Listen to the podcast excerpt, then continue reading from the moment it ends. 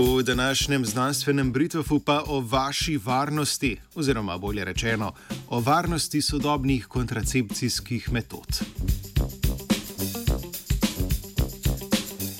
The New England Journal of Medicine je obelodanil izsledke dolgoletne študije o vplivu hormonske kontracepcije na pojavnost raka dojke. Rezultati kažejo, da je povečano tveganje za raka dojke povezano predvsem z dolgoletno uporabo, ne pa tudi z vrsto hormonske kontracepcijske metode.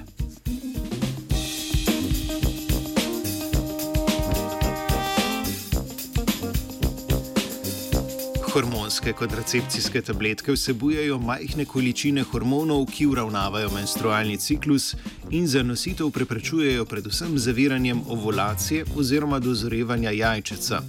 Kombinirane tabletke vsebujejo dva spolna hormona, estrogen in progesteron, obstaja pa tudi vrsta tabletk, ki vsebuje samo progesteronsko komponento. Od izuma hormonske kontracepcije do danes se je marsikaj spremenilo, kontracepcijske tablete za ženske pa so postale najbolj razširjena metoda preprečevanja zanositve.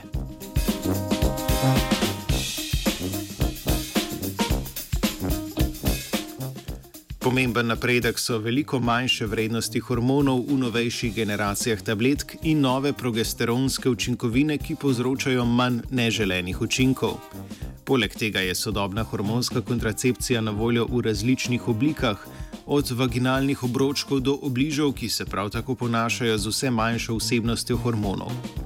Še vedno pa obstaja, še vedno pa ostaja odprto vprašanje, ali se je z nižjimi vrednostmi hormonov, novejšimi učinkovinami in inovativnejšimi oblikami hormonske kontracepcije zmanjšalo tudi tveganje za pojav raka dojke.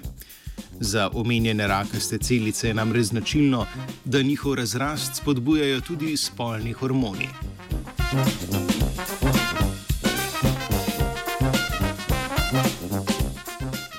V obsežno študijo so vključili kar 1,8 milijona danskih žensk, ki so jih v povprečju spremljali nekaj več kot 10 let, v obdobju med leti 1995 in 2012. V tem časovnem okviru so med udeleženkami študije zabeležili 11.517 primerov raka dojke.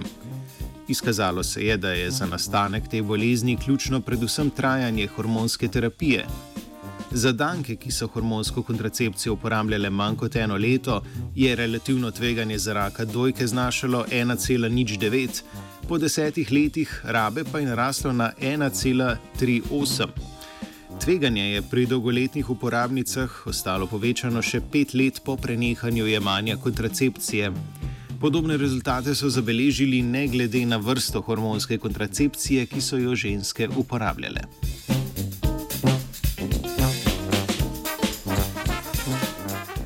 Težko pričakovani izsledki dolgoletne študije so torej opomin, da novejše učinkovine in oblike, kot so obročki in obliži, niso povsem izničili tveganja za raka dojke. Čeprav celokupno tveganje ni veliko, je pri izbiri kontracepcijske metode še vedno treba zelo previdno pretehtati koristi in potencijalno škodo, ki se v veliki meri razlikujejo od ženske do ženske.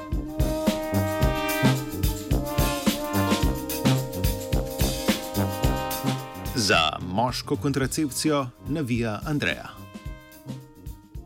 Ne, se nisem neploden, sam nisem še seksovan, tako da ne vem. Dobro, ajmo, Srbija.